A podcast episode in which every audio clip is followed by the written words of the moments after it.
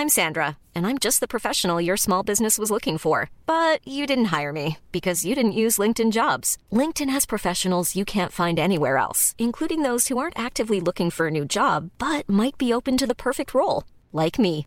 In a given month, over 70% of LinkedIn users don't visit other leading job sites. So if you're not looking on LinkedIn, you'll miss out on great candidates like Sandra. Start hiring professionals like a professional. Post your free job on linkedin.com/people today. Want flexibility? Take yoga. Want flexibility with your health insurance? Check out United Healthcare Insurance Plans. Underwritten by Golden Rule Insurance Company, they offer flexible, budget friendly medical, dental, and vision coverage that may be right for you. More at uh1.com.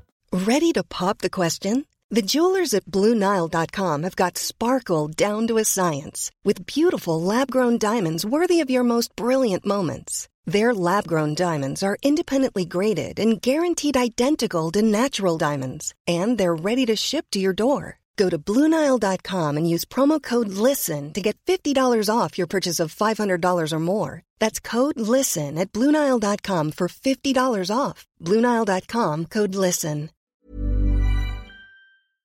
Palmemordet. Återbesök hos vittnena. Anna Hage.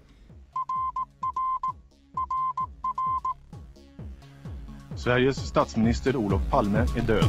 90 000. Ja, det är mord på Sveavägen. Hörde de säger att det är Palme som är skjuten. Mordvapnet med säkerhet är en Smith Wesson, en revolver kaliber .357. Inte ett svar. Finns inte ett svar. För jag har inget. Och jag har inte varit Varför skulle jag Polisen söker en man i 35 till 40-årsåldern med mörkt hår och lång mörk rock. Välkomna till podden Palmemordet som idag görs av mig, Tobias Henriksson på PRS Media. Jag vill börja det här avsnittet med att rikta ett stort tack till alla av er lyssnare som deltog på Palmemordskonferensen och vår egna Palmevandring.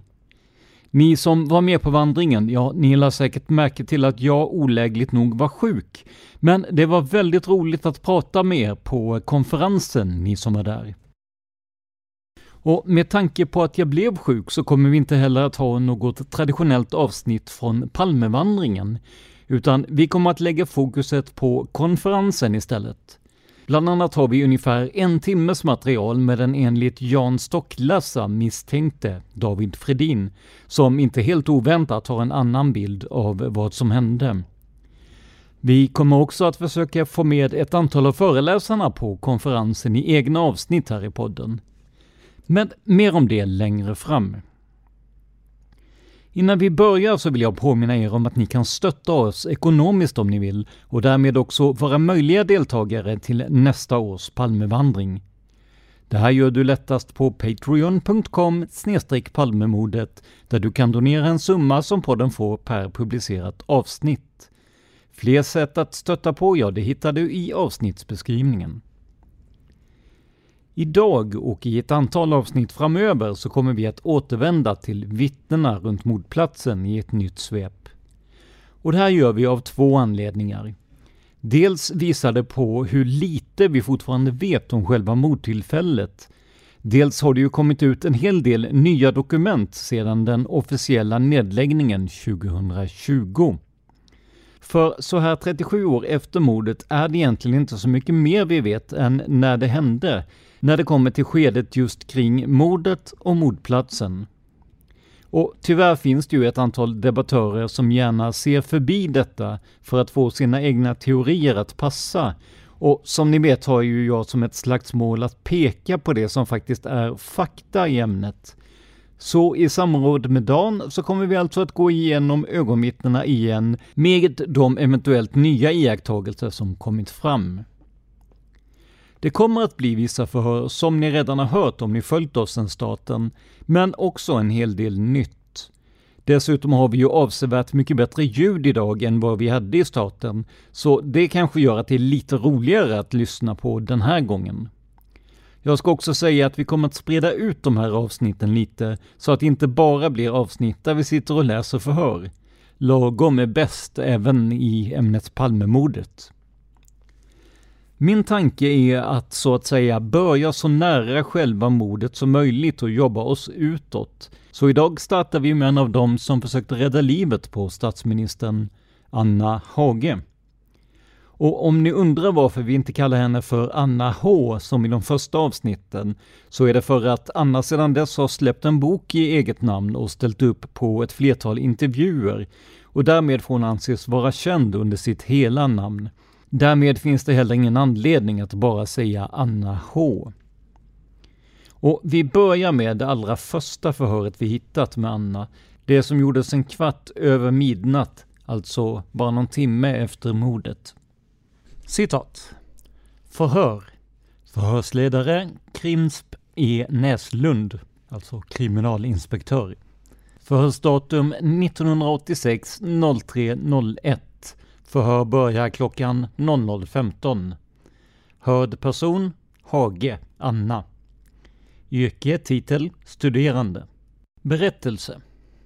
Fröken Hage uppger Fredagen den 28 februari 1986 hade hon och en väninna besökt Filmstaden på Mäster Samuelsgatan. De lämnade lokalen vid 23-tiden och sammanträffade sedan på Norrlandsgatan med tre kamrater som åkte bil.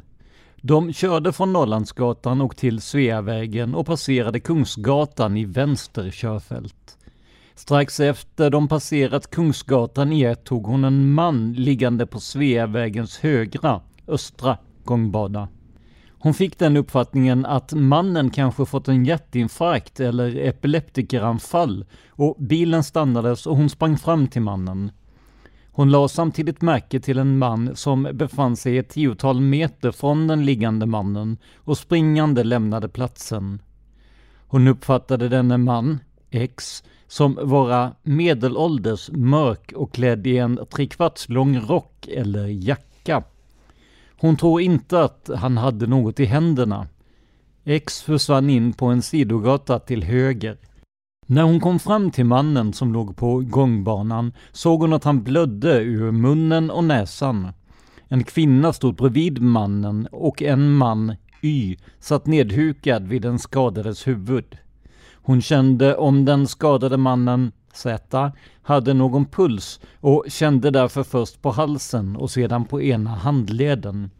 Hon kände då inga pulsslag. Hon vände Z på rygg och gav honom två hjärtstötar och fortsatte sedan med hjärtkompression, cirka 15-20 gånger. Y gav Z konstgjord andning genom att blåsa in luft mun mot mun ett par gånger. Kvinnan som stod bredvid och verkade vara chockad och knuffade undan fröken Hage och skrek att ambulansen skulle komma och att läkare skulle göra operation. Ambulans kom till platsen och ungefär samtidigt kom polispersonal. Enligt hennes uppfattning verkade Z livlös och har stela ögon. Hon kände inte igen mannen men fick senare veta att Z skulle vara ett statsminister Palme. Kvinnan presenterade sig även senare som fru Palme. Fröken Hage kan inte lämna något närmare signalement på mannen X. Det var ganska mörkt på platsen. Hennes inriktning var att om möjligt försöka få igång hjärtverksamheten hos Z, som hon uppfattade vara djupt medvetslös. Uppläst under hand, förhöret slut klockan 01.05.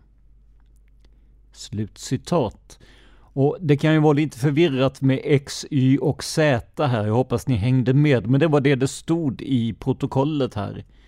Och det här gjordes alltså ungefär en timme efter att Olof Palme hade skjutits. Här hör ni också att Anna uppfattar mannen, som kallas X här, som medelålders, mörk och klädd i en trekvarts lång rock eller jacka.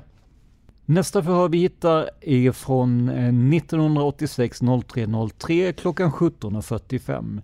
Det är kriminalinspektör Åke Torstensson som är förhörsledare. Citat. Så som Anna tidigare uppgivit lämnade hon och väninnan Filmstaden vid 23-tiden. Kort efter sammanträffade de på Norrlandsgatan med tre kamrater.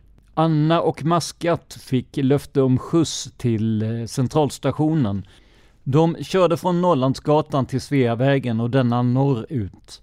De passerade över Kungsgatan i vänster körfält och stannade för rött ljus vid korsningen med Tunnelgatan. De stannade i vänster körfält för vidare tänkt färd Tunnelgatan västerut. När de stannade var de enda bilen framför signalerna och de hade fritt siktfält åt höger. Direkt som de stannat bilen tittade Anna åt höger. Hon såg en man som låg på högra sidan av Sveavägen vid mynningen av Tunnelgatan. Hon fick uppfattningen att mannen just blivit liggande på marken när hon observerade honom. Samtidigt som hon såg den liggande mannen såg hon en man som sprang in på Tunnelgatan österut. Avståndet mellan männen när hon upptäckte den uppskattade hon till 5 till 7 meter. Anna var just på väg ut ur bilen, hade och höll på att öppna dörren när hon såg männen. Hon noterade också att det stod en kioskliknande fyrkant en bit in på Tunnelgatan och den var så placerad att man kunde passera den på båda sidorna. Det var relativt dålig belysning på gatan och det som mest lyste upp gatan var belysningen från färgaffären på Tunnelgatans norra sida. Anna såg den springande mannen i cirka 3-4 sekunder. Anna uppfattade den springande mannen som medelålders och av medellängd. Han verkade bredaxlad och huvudet verkade vara för litet till kroppen. Hon såg inte mannens händer och kan därför inte säga om han bar på någonting. Eftersom han sprang med den kioskliknande fyrkanten som bakgrund uppfattade Anna honom som mörk, mörk rock och mörkt hår. Beträffande klädseln är hon ganska så säker på att mannen bar en trekvarts lång rock. Hon styrker detta med att ange att hon såg ljuset mellan hans vader, men inte mellan låren när han sprang. Hon menar att hade han haft en kort rock eller jacka borde hon ha sett ljuset mellan benen ända upp till grenet när han sprang. Hon gjorde ingen iakttagelse om någon speciell fotbeklädnad. Hon uppfattade honom som barhuvad.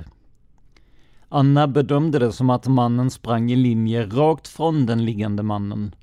Hon tror inte att han till exempel kommit springande runt ett hörn eftersom han då måste ha haft en annan placering i gatan. Hon är väldigt osäker men tror att mannen sprang till vänster om den kioskliknande fyrkanten. I samband med att Anna steg ut ur bilen såg hon också en kvinna som stod intill den liggande mannen.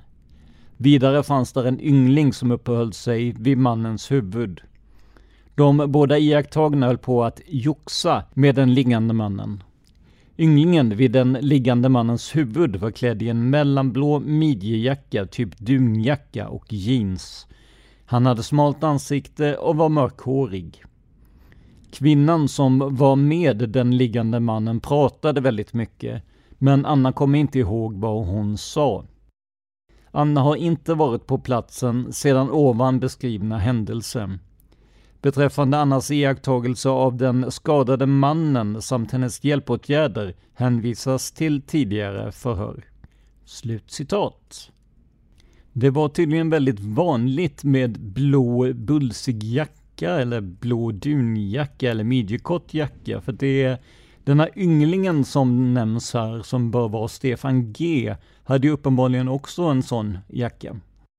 Efter det här så hålls ett tilläggsförhör den 2 april 1986 och det hålls i en tjänstebil på Sveavägen, alltså en polisbil. Och det här är efter att en rekonstruktion har företagits som det står. Och det är A. Bäckström och kriminalinspektör L. Jonsson som pratar med Anna Hage. Och Anna tillfrågas om de fotografier som förevisats henne avseende ett antal jackor, okänt nuvarande till antalet.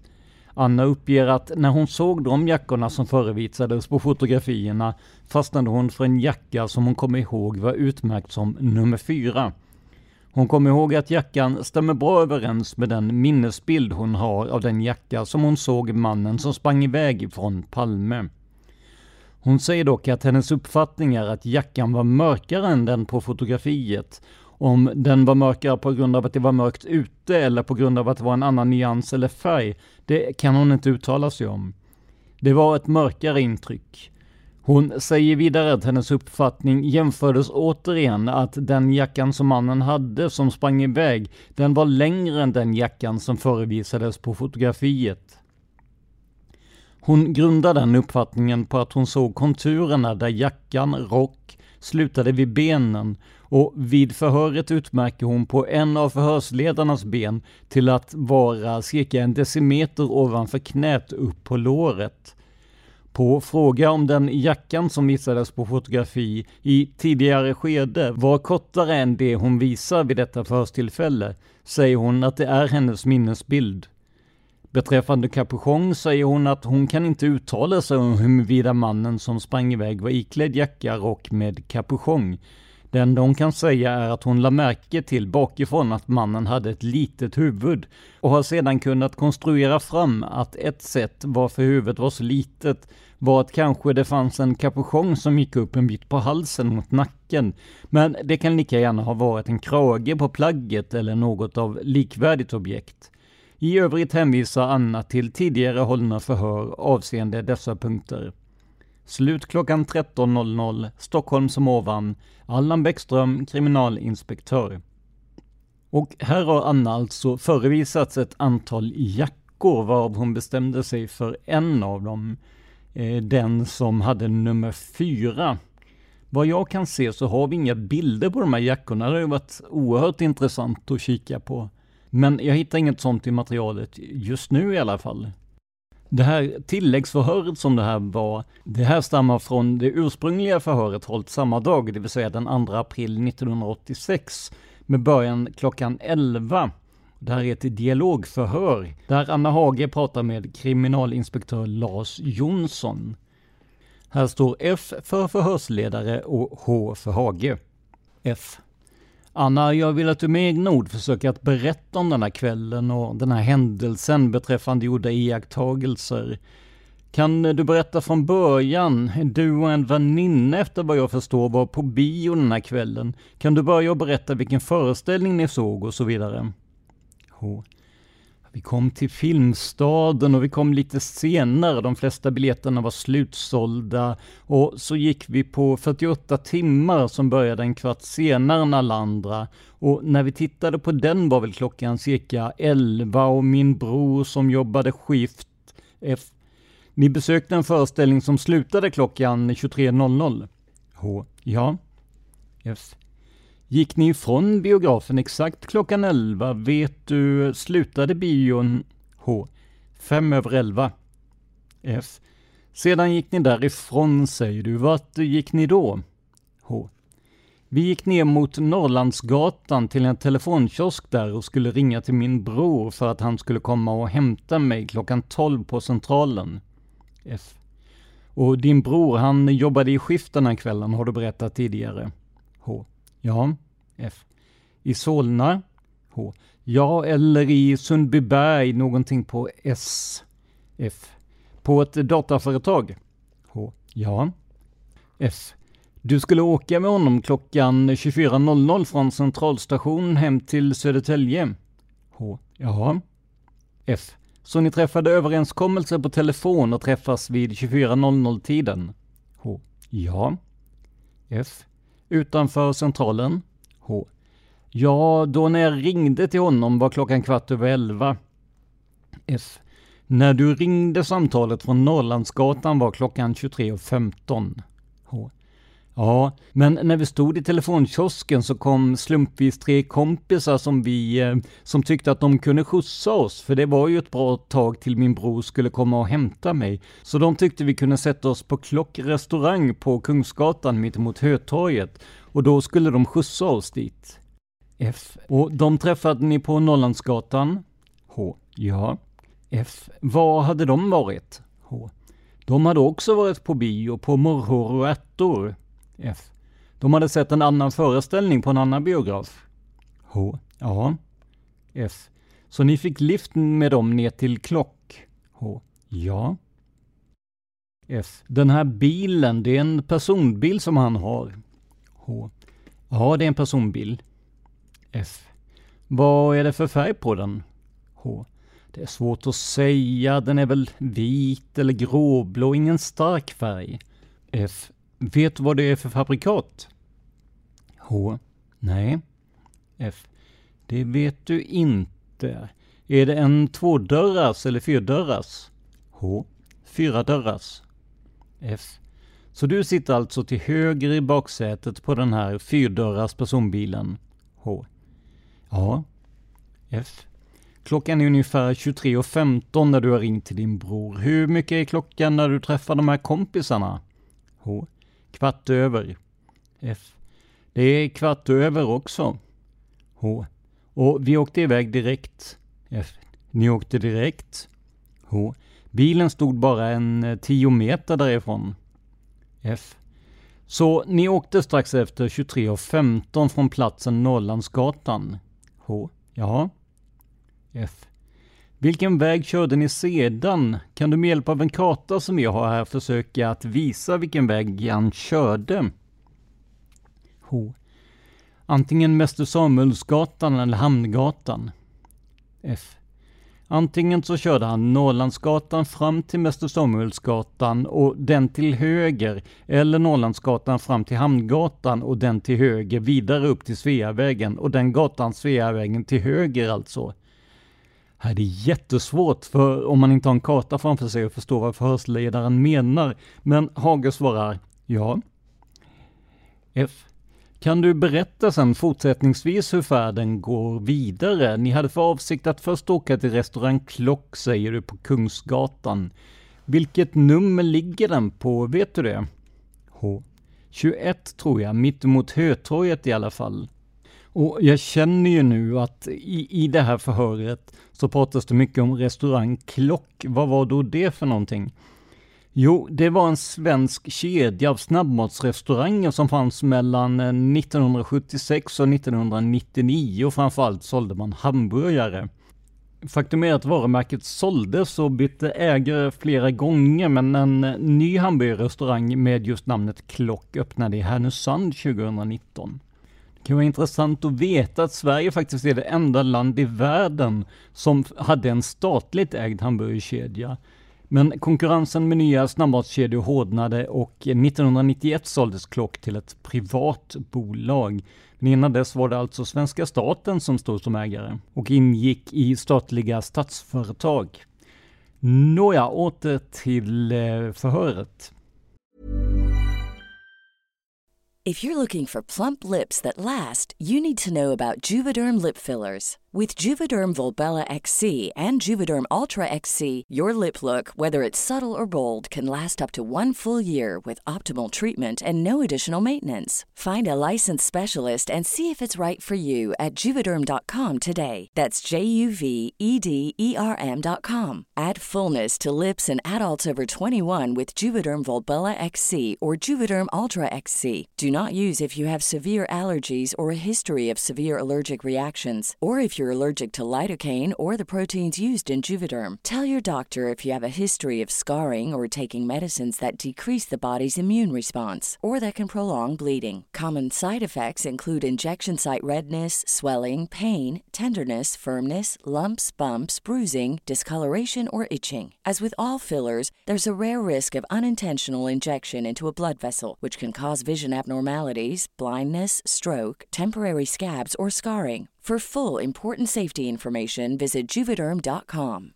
This is Paige, the co-host of Giggly Squad, and I want to tell you about a company that I've been loving, Olive and June. Olive and June gives you everything that you need for a salon quality manicure in one box. And if you break it down, it really comes out to $2 a manicure, which is absolutely insane. It's also so easy to get salon worthy nails at home with Olive and June. The difference between how your nails used to look when you did them yourself and now with the Manny system is a complete game changer. The best thing about Olive and June too is it's a quick dry. Dries in about one minute, lasts for five days, and full coverage in up to one to two coats. Visit oliveandjune.com slash perfectmanny20 for 20% off your first system. That's oliveandjune.com slash perfectmanny20 for 20% off your first system.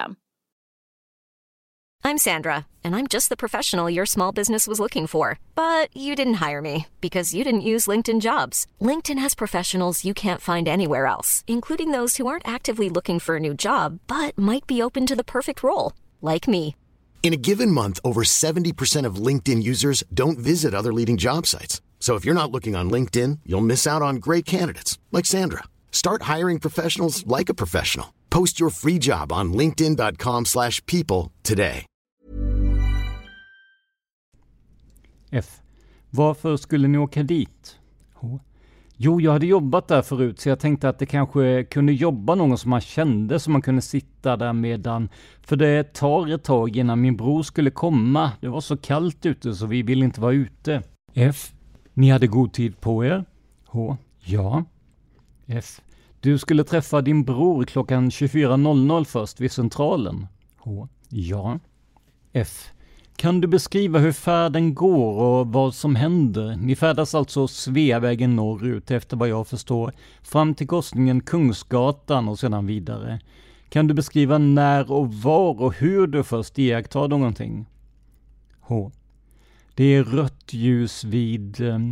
Det var rött ljus vid Sveavägen där vid korsningen Tunnelgatan och vi hade bandspelare i bilen med ganska hög musik och sen satt vi och pratade så jag lade inte märke till några skott men när jag, eh, en reflexrörelse, bara tittar sig omkring när man sitter i en bil gjorde att jag såg att eh, av händelseförloppet förstod jag att det hade hänt något precis. F. Kan du närmare utveckla det? H. Kvinnan som stod bredvid mannen hukade sig precis ner mot honom och, de, och det såg precis ut som att det hade hänt någonting. Det är svårt att förklara, men han hade inte legat där i alla fall. F. Du såg inte när han föll omkull? H. Nej, precis när han tog i marken kan man säga. F. Du upplevde det på det sättet att han precis tog mark när du ser att någonting händer? H. Ja, och att kvinnan lutar sig över hastigt. F. Kan du beskriva hur kvinnan befinner sig i förhållande till den här mannen som ligger? H. Hon står vid vänster sida om hans ben, står hon mot Sveavägen. F. Ut mot gatan. H. Ja, ut mot gatan. F. Med ryggen mot gatan. H. Med ryggen mot gatan, över honom. F. Ser du i detta moment någonting annat, någon annan människa? H. Ja, det är ju att det är någon som springer ifrån. F. Kan du närmare beskriva det? H. För jag började fundera över vad som hade hänt, om det var en hjärtinfarkt eller om det var någonting... F. Den tanken hann du att eh, tänka så att säga? H. Ja, att eh, vad har hänt? Och så tittade jag mig omkring på platsen. Då såg jag att det var någon som sprang iväg. Det här hände ju på bara någon tiondel sekund så att... Eh, och, och då tänkte jag att vad konstigt att han springer från platsen och just springer. Att eh, man springer inte från en plats där någonting har hänt och i så fall går man ju lugnt och sakta. Då förstod jag på ett ungefär att det måste ha hänt någonting annat. Det måste ha varit ett rån eller något. F den här mannen som springer, när du iakttar honom, då iakttar du samtidigt den här mannen som just tar mark och att kvinnan som befinner sig vid sidan hukar sig över mannen. Ser du samtidigt denne man springande från platsen? H. Ja, för att jag ser ju allting, det blir i samma blickfång. F. Det blir det. H. Jag behöver bara titta upp en aning så ser jag... F. Du ser allt i ett skeende. H. Ja, för jag sitter ju ner i bilen och då ser jag allting lite högre upp. F. Har du någon uppfattning om hur långt ifrån den här springande mannen befinner sig, den liggande mannen, när du ser honom? H. Ja, det är ett par meter. Han förflyttar sig ju hela tiden, så det är svårt att säga, men han var inte närmare än eh, tre och en halv meter ifrån. F. Så det kan vara tre meter och mera. H. Ja. F. I vilken riktning springer mannen? H. Uppför trapporna vid Tunnelgatan. F. Kan du se det från den plats där du sitter? H. Nej, jag sprang ut samtidigt. F. Samtidigt som han springer Tunnelgatan H. Öppnar jag dörren. Han springer uppåt mot gränden. Jag vet inte om han springer upp för trapporna eller om han gömmer sig, men han springer upp för gränden. F. Men du är säker på att du ser mannen springa från platsen från din position i bilens baksäte? H. Nej, jag såg först mannen från bilens baksäte, men sen fick jag så snabbt ut och då tittade jag samtidigt som jag sprang fram en bit, för bilen står ju inte så att man kan se rakt in i gränden. F. Men första skeendet, då ser du honom från när du sitter i bilen, eller? H. Ja, jag håller på och ska öppna dörren. F. Du rusar ut, ser du honom springa sedan också? H. Nej, sen tänker jag inte mer på det. F. Så du ser honom bara i ett skede? H. Ja, och jag tror att eh, det är också en sak som jag är osäker på, men jag har för mig i alla fall att han sprang på vänster sida. På vänster sida. Först trodde jag att det var någon kiosk eller någonting som hade stått där. Det står i den uppgiften, men sen när jag varit där senare på platsen så har jag förstått att det var en byggnadsställning. Men det tänker man inte på då. F. Men du är i uppfattning att du ser mannen springa från platsen då du fortfarande befinner dig i eller vid bilen? H. Ja. F. Du öppnar dörren efter vad jag förstår i samma moment som du gör iakttagelsen? H. Ja. F. Och hoppar ur bilen? H. Ja. F. Varför gör du det? H. Varför jag reagerade? F. På det sättet, ja. H. Genom att lägga märke till honom eller att jag, jag springer ut överhuvudtaget? F. Ja. H. Jag vet faktiskt inte. Det var bara en intuition att hjälpa till. Det bara kom i mitt bakhuvud. Den här personens bil är ju ny, så han var ju lite osäker att det skulle komma någon bil, för jag slog upp dörren sådär. Men eh, för det första snurrade det i huvudet detta, att varför springer han därifrån? Annars skulle jag aldrig lagt märke till honom om det inte vore någonting. F. Får jag fråga en annan sak? Du ser alltså mannen som just tar mark, kvinnan som hukar sig och mannen som springer. Fanns det någon annan person i närheten i ditt synfält när du gör den här iakttagelsen? H. Det är en ung man som kommer springande. F. Var kommer han springande? H. Från en bil. F. Från en bil? H. Ja, han kommer ungefär fram samtidigt som jag, men jag ser att det är någon bil som stannar. F. Var stannar den bilen? H. Den stannar vid trottoaren nästan. F. På vilken gata? H. Det är också på Sveavägen. F. I vilken riktning stannar den bilen? H. Den kom söderut. F. Den körde söderut? H. Ja, F. Sveavägen söderut. H. Och så vände den på något sätt. F. Så den snurrade runt på Sveavägen, gör en så kallad taxisväng.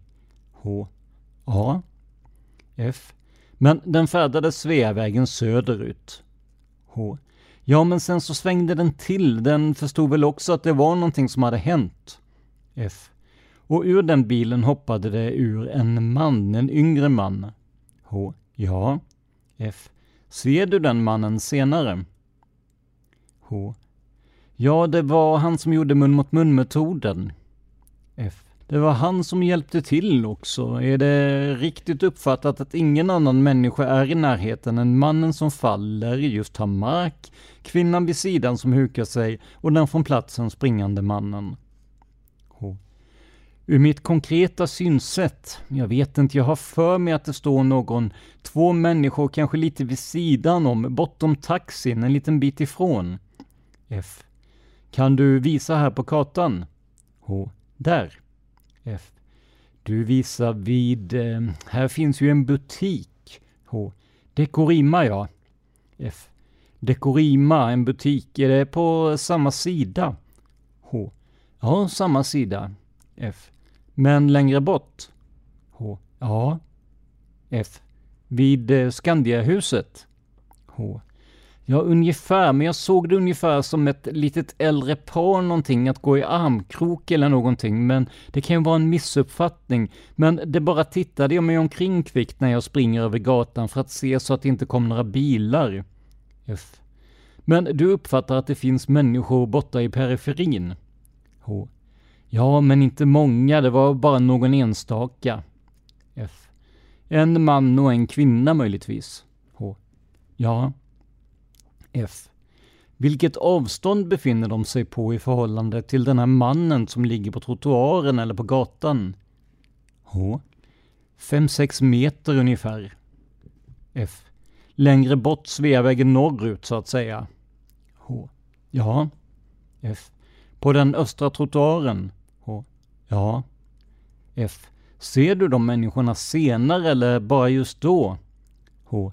Det är bara just då. F. Fick du någon känsla av att de hade med saken att göra på något sätt? H. Nej, ingenting. F. Fick du någon uppfattning? H. De gick mot platsen. F. De gick mot platsen. H.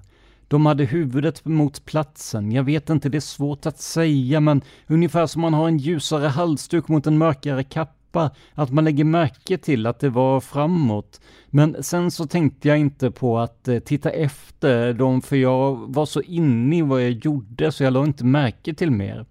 F. Men eh, du fick en första känsla av att det var ett par som promenerade i riktning Sveavägen söderut. H. Ja. På den F. På den östra trottoaren. H. Ja, jag kan inte förklara närmare för jag ser den bara suddigt. F.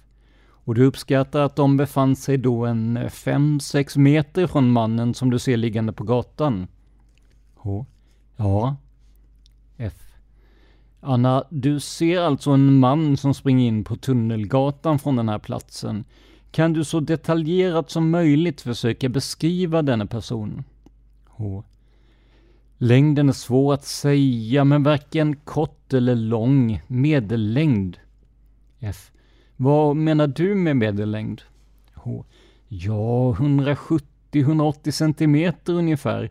Jag tänker aldrig på att han var direkt lång, inte att han var kort, utan ganska normal. Ganska normal kroppsbyggnad, förutom att han var bredaxlad, kraftig över axlarna, axelpartiet. Och direkt efteråt när polisen förhörde mig på polishuset här, då tyckte jag att han hade så litet huvud jämfört mot axlarna, precis som en människa som styrketränar.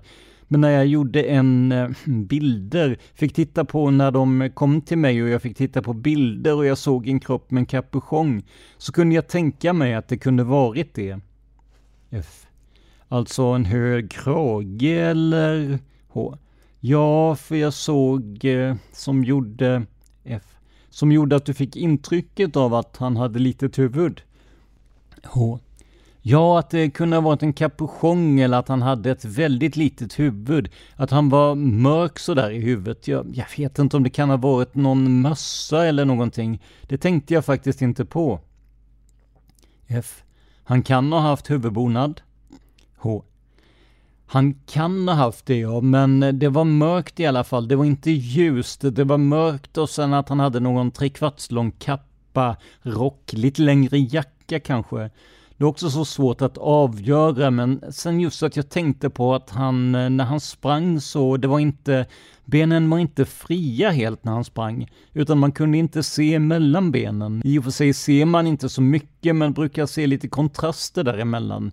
Det var det enda och klä... Färger kan jag inte avgöra alls, för det vet jag inte om det avgjort var mörkt i gränden som gjorde att allt annat varit mörkt, men han hade inte vitt på sig i alla fall. F. Inget ljust. H. Nej, inget ljust. F. Såg du något av hans ansikte? H. Ingenting. F. Såg du hans byxor om det skilde sig ljusmässigt i förhållande till rock eller kavaj eller H. Nej, det var inga stora byxor. De satt väl inte åt heller direkt. Det var vanliga byxben. Jag reagerade inte på dem i alla fall. Annars kan man ju reagera när de står utsvängda sådär. F. Har du någon uppfattning om den här personens ålder? H. Ja, det var bara också en sak som jag fick som en intuition, att det måste ha varit medelålders någonting. För att man kan se skillnad bakifrån om en människa, hur gammal den är när den springer. Det är också sånt som är svårt att förklara, men en yngling springer oftast som väldigt ung, springer oftast lite, antingen väldigt smidigt eller väldigt ryckigt. Men det var liksom mera bestämda steg, det var bara en känsla jag fick att det måste vara en man, ingen kille om man säger så. F. Sprang den här personen fort eller ganska sakta? H. Nej, det var väl rätt så fort med bestämda steg. Snabbt men bestämt, precis som om man visste vart... F. Målmedvetet? H. Ja, målmedvetet. Det var inte som man springer för att eh, till exempel att man blir jagad i kull eller någonting. Då vet man inte vart man ska, men det var att han visste. Det såg ut på gången ungefär som att han var beredd på att han skulle springa helt enkelt. F. Målmedvetet från platsen. H. Ja. F. Såg du om han hade någonting i sina händer? H. Nej. F. Såg du händerna? H. Nej. F. Du säger att du fick eh, uppfattningen att han var mörk, kanske i håret eller möjligtvis hade någon huvudbonad. Har du någon uppfattning om han nu hade huvudbonad, vad det var för slags huvudbonad? H.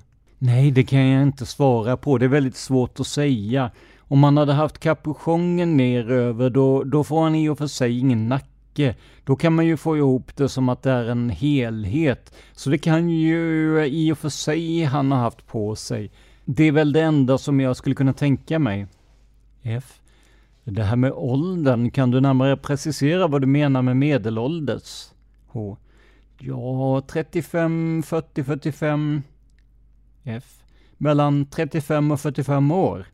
H.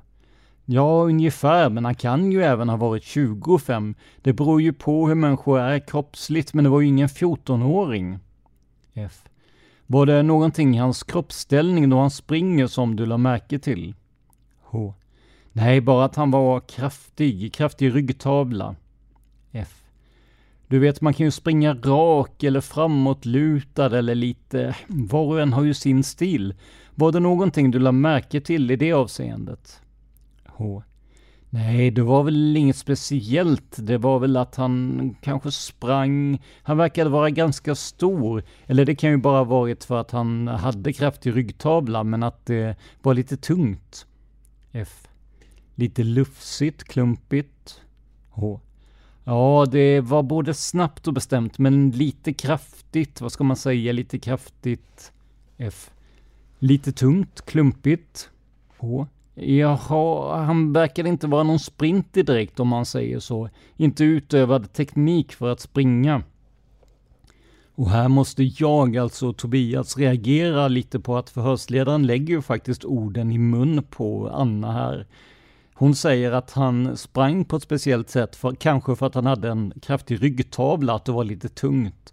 Men då svarar förhörsledaren med lufsigt och klumpigt och i meningen efter lite tungt klumpigt. Man får intrycket att eh, förhörsledaren försöker få Anna att säga klumpigt just. Kanske för att det stämmer med andra uppgifter.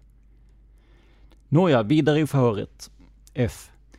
Anna, finns det något mer du kan säga om hur han ser ut? Den uppfattningen du fick om honom? Du såg bara sig händer eller ansikte på honom vad jag förstår. H. Nej, det enda jag tänkte på det var väl att han verkade ha snygg kropp om man säger så. F. Nu måste du förklara dig. H. Att han var kraftig så, men eh, F. Välbyggd alltså. H. Ja, välbyggd, men det kan ju också ha varit någonting med att han hade... F. Sådana kläder. H. Att det var rocken eller någonting. F.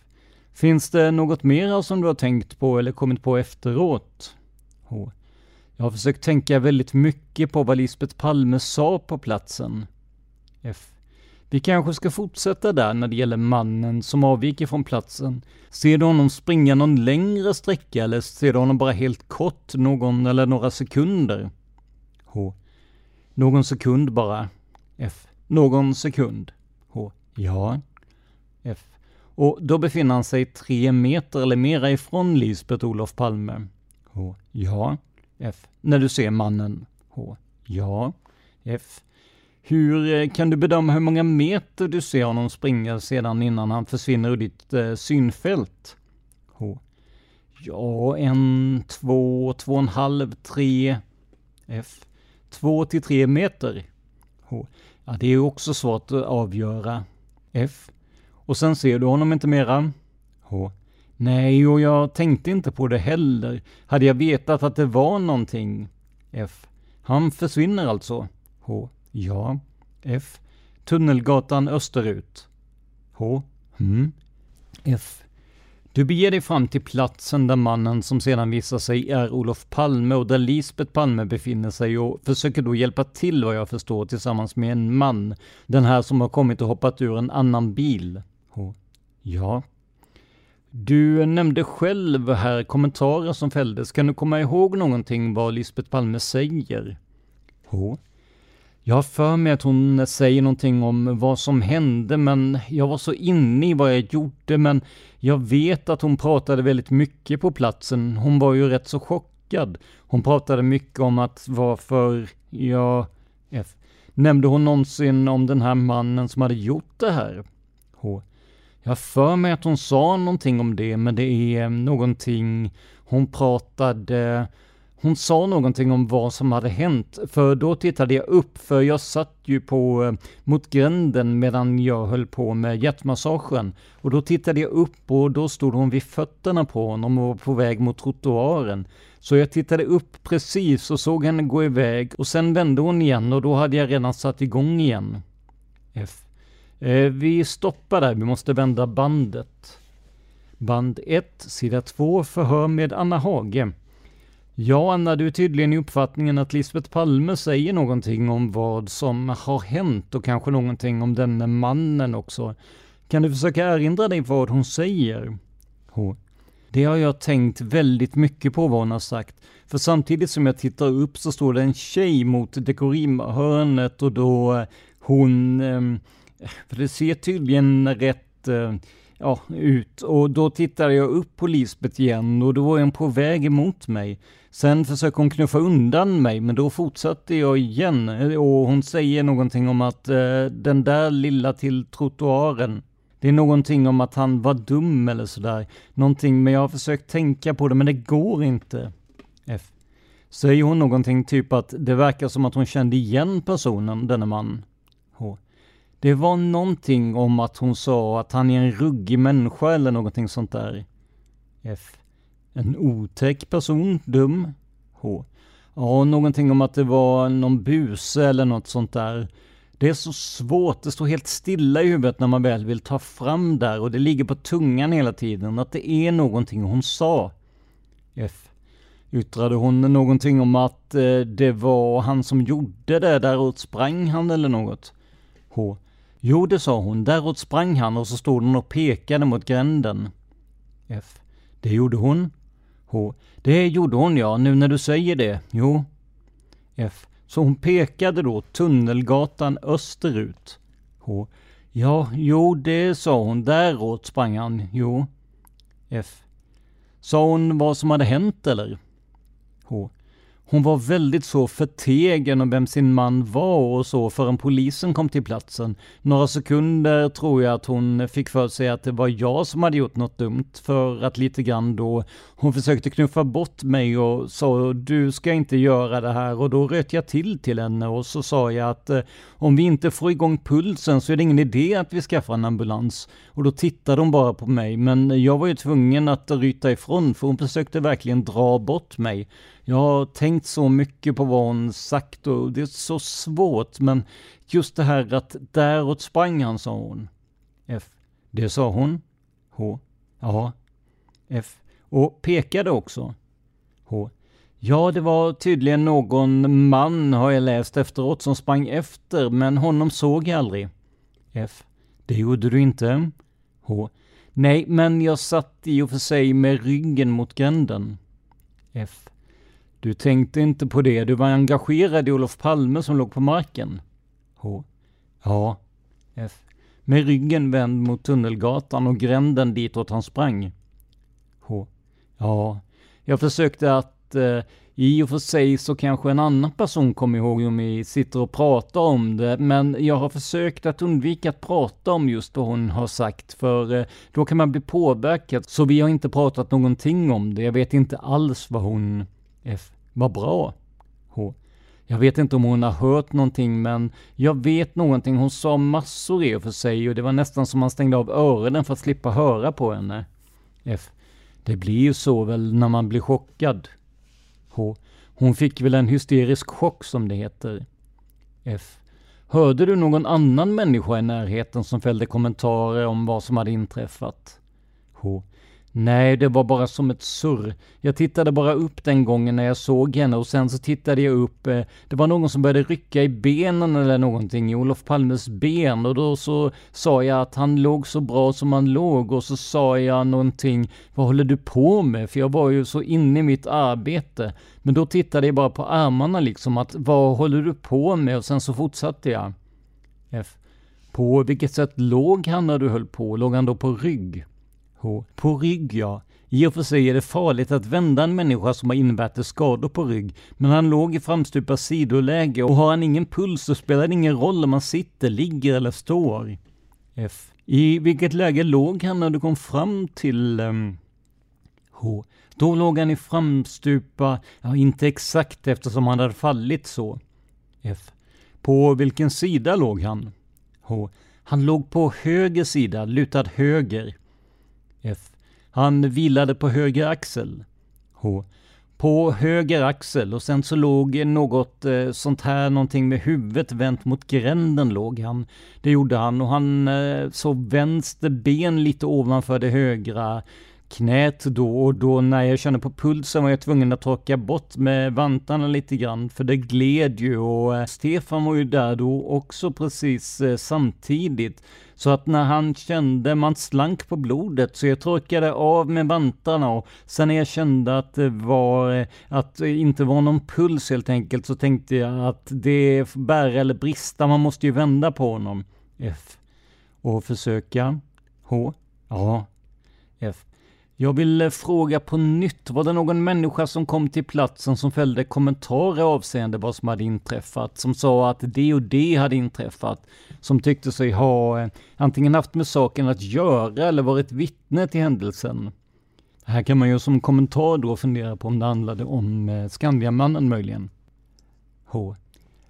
Jag ser bara det som alla, det kommer ju folk dit som står runt omkring och glodde som människor gör, men det var bara direkt efteråt, det bara snurrade i huvudet, vi hade så mycket i tankarna. Vad har hänt? Vad gör jag? Hur ska jag göra? Det var väl endast att Eh, jag tittade upp en gång till direkt när det var klart så tittade jag upp när ambulansen kom och så var det bara taxichauffören som stod där och då frågade jag honom, får jag ringa till min bror då? Då fick jag hoppa in i bilen och ringa men just när jag höll på, jag vet att det sades väldigt mycket på platsen, det pratades väldigt mycket. Vad har hänt? Vad är det för något? Vem är det? Sådana kommentarer som dyker upp. F. Det var ingen som sa jag såg vad som hände. H. Det kan vara möjligt, men... Eh, F. Inte som du lade märke till. H. Nej, orden eh, har jag väl hört, för jag registrerade inte över orden. F. Fick du någon uppfattning att det fanns någon av människorna som visste att det skulle hända det som hände? Typ att man kände igen den här personen som hade drabbat Olof Palme på det sättet. Förstår du hur jag menar? H. Ja, vissa. Det var väl några män som stod omkring om man säger så som jag bara hörde. Man såg benen, jag såg ju fötterna och benen på alla. Men de tittade bara, sen skyndade de vidare. Det fanns ju de som stod i flera minuter där och tittade. Det kan ju ha varit mycket möjligt att det var någon av dem som visste precis vad som hade hänt. Men jag hade ju koll på det på marken och Stefan ovanför. F. Ja, Anna, jag vet inte. Är det någonting ytterligare förutom vad du nu har berättat och förutom vad du tidigare har berättat eh, om som du har kommit på kring det, dina iakttagelser? H. Nej, det är inget speciellt. Det gick ju så fort allting. Det är bara det som jag har funderat väldigt mycket på. Det var ju det, vad som sades på platsen. Det har jag tänkt på rätt mycket. För om Lisbeth sagt någonting som till exempel jagar honom i någonting, det kunde ju varit mycket hjälp och därför så tänker jag rätt mycket på, eh, jag vet att hon sa någonting. F. Det kanske kommer så småningom. H. Ja, i så fall ringer jag direkt och talar om det. För det är sådana saker som hon själv kanske inte kommer ihåg att hon har sagt. F. Ja, precis. Okej, okay, ja då har du inget själv att tillägga så avslutar vi förhöret 11.40. Stockholm som ovan, Lars Jonsson, kriminalinspektör. Tillägg till förhöret. Anna Hage är vid förhörstillfället klädd i exakt samma kläder som hon hade den aktuella kvällen. En röd jacka och svarta byxor. Efter förhöret fotograferas Anna Hage. Vidare kommer hon att medverka i en rekonstruktion av händelseförloppet. Och där slutar vi citera det här långa förhöret. Hey, it's Danny Pellegrino from Everything Iconic. Ready to upgrade your style game without blowing your budget? Check out Quince. They've got all the good stuff, shirts and polos, activewear and fine leather goods, all at 50 to 80% less than other high-end brands. And the best part? They're all about safe, ethical and responsible manufacturing. Get that luxury vibe without the luxury price tag. Hit up quince.com slash upgrade for free shipping and 365 day returns on your next order. That's quince.com slash upgrade. Cool fact a crocodile can't stick out its tongue. Also, you can get health insurance for a month or just under a year in some states. United Healthcare short term insurance plans, underwritten by Golden Rule Insurance Company, offer flexible, budget friendly coverage for you. Learn more at uh1.com. Hey, it's Paige DeSorbo from Giggly Squad. High quality fashion without the price tag? Say hello to Quince. I'm snagging high end essentials like cozy cashmere sweaters, sleek leather jackets, fine jewelry, and so much more. With Quince being 50 to 80% less than similar brands. And they partner with factories that prioritize safe, ethical, and responsible manufacturing. I love that. Luxury quality within reach. Go to quince.com slash style to get free shipping and 365 day returns on your next order. Quince.com slash style. Några reflektioner då. Det känns som att Lars Jonsson lägger orden i mun på Anna Hage en hel del. Det kan ju också vara sånt som eh, vi som läser i efterhand så att säga läser in i det hela. Men man får det intrycket när man läser förhöret rakt upp och ner. Men däremot så är det inte alla förhör som har det här tillägget, just vad vittnet själv hade på sig. Nu var ju Anna Hage framme vid eh, Olof Palme och om hon dessutom kvinna så svårt att förväxla henne med till exempel mördare som troligen är manlig. Men i alla fall, här har man skrivit upp exakt vad Anna Hage hade på sig för att man inte ska förväxla henne med någon av de andra på platsen. Som sagt, vi kommer att sprida ut de här avsnitten med uppdaterade förhör kring mordplatsen framöver, så att ni inte får allt på en gång. Och som jag sa innan, en del har nämnts innan, men mycket är helt nytt. Och det kommer ni att höra om i framtida avsnitt. Som vanligt vill jag påminna er om att ni kan stötta oss om ni tycker att det vi gör är bra. Alla sätt att göra det på hittar du i avsnittsbeskrivningen. Där hittar du också vår e-postadress om du vill kommentera avsnitten eller komma med tips på avsnitt, beröm, kritik och mycket mer.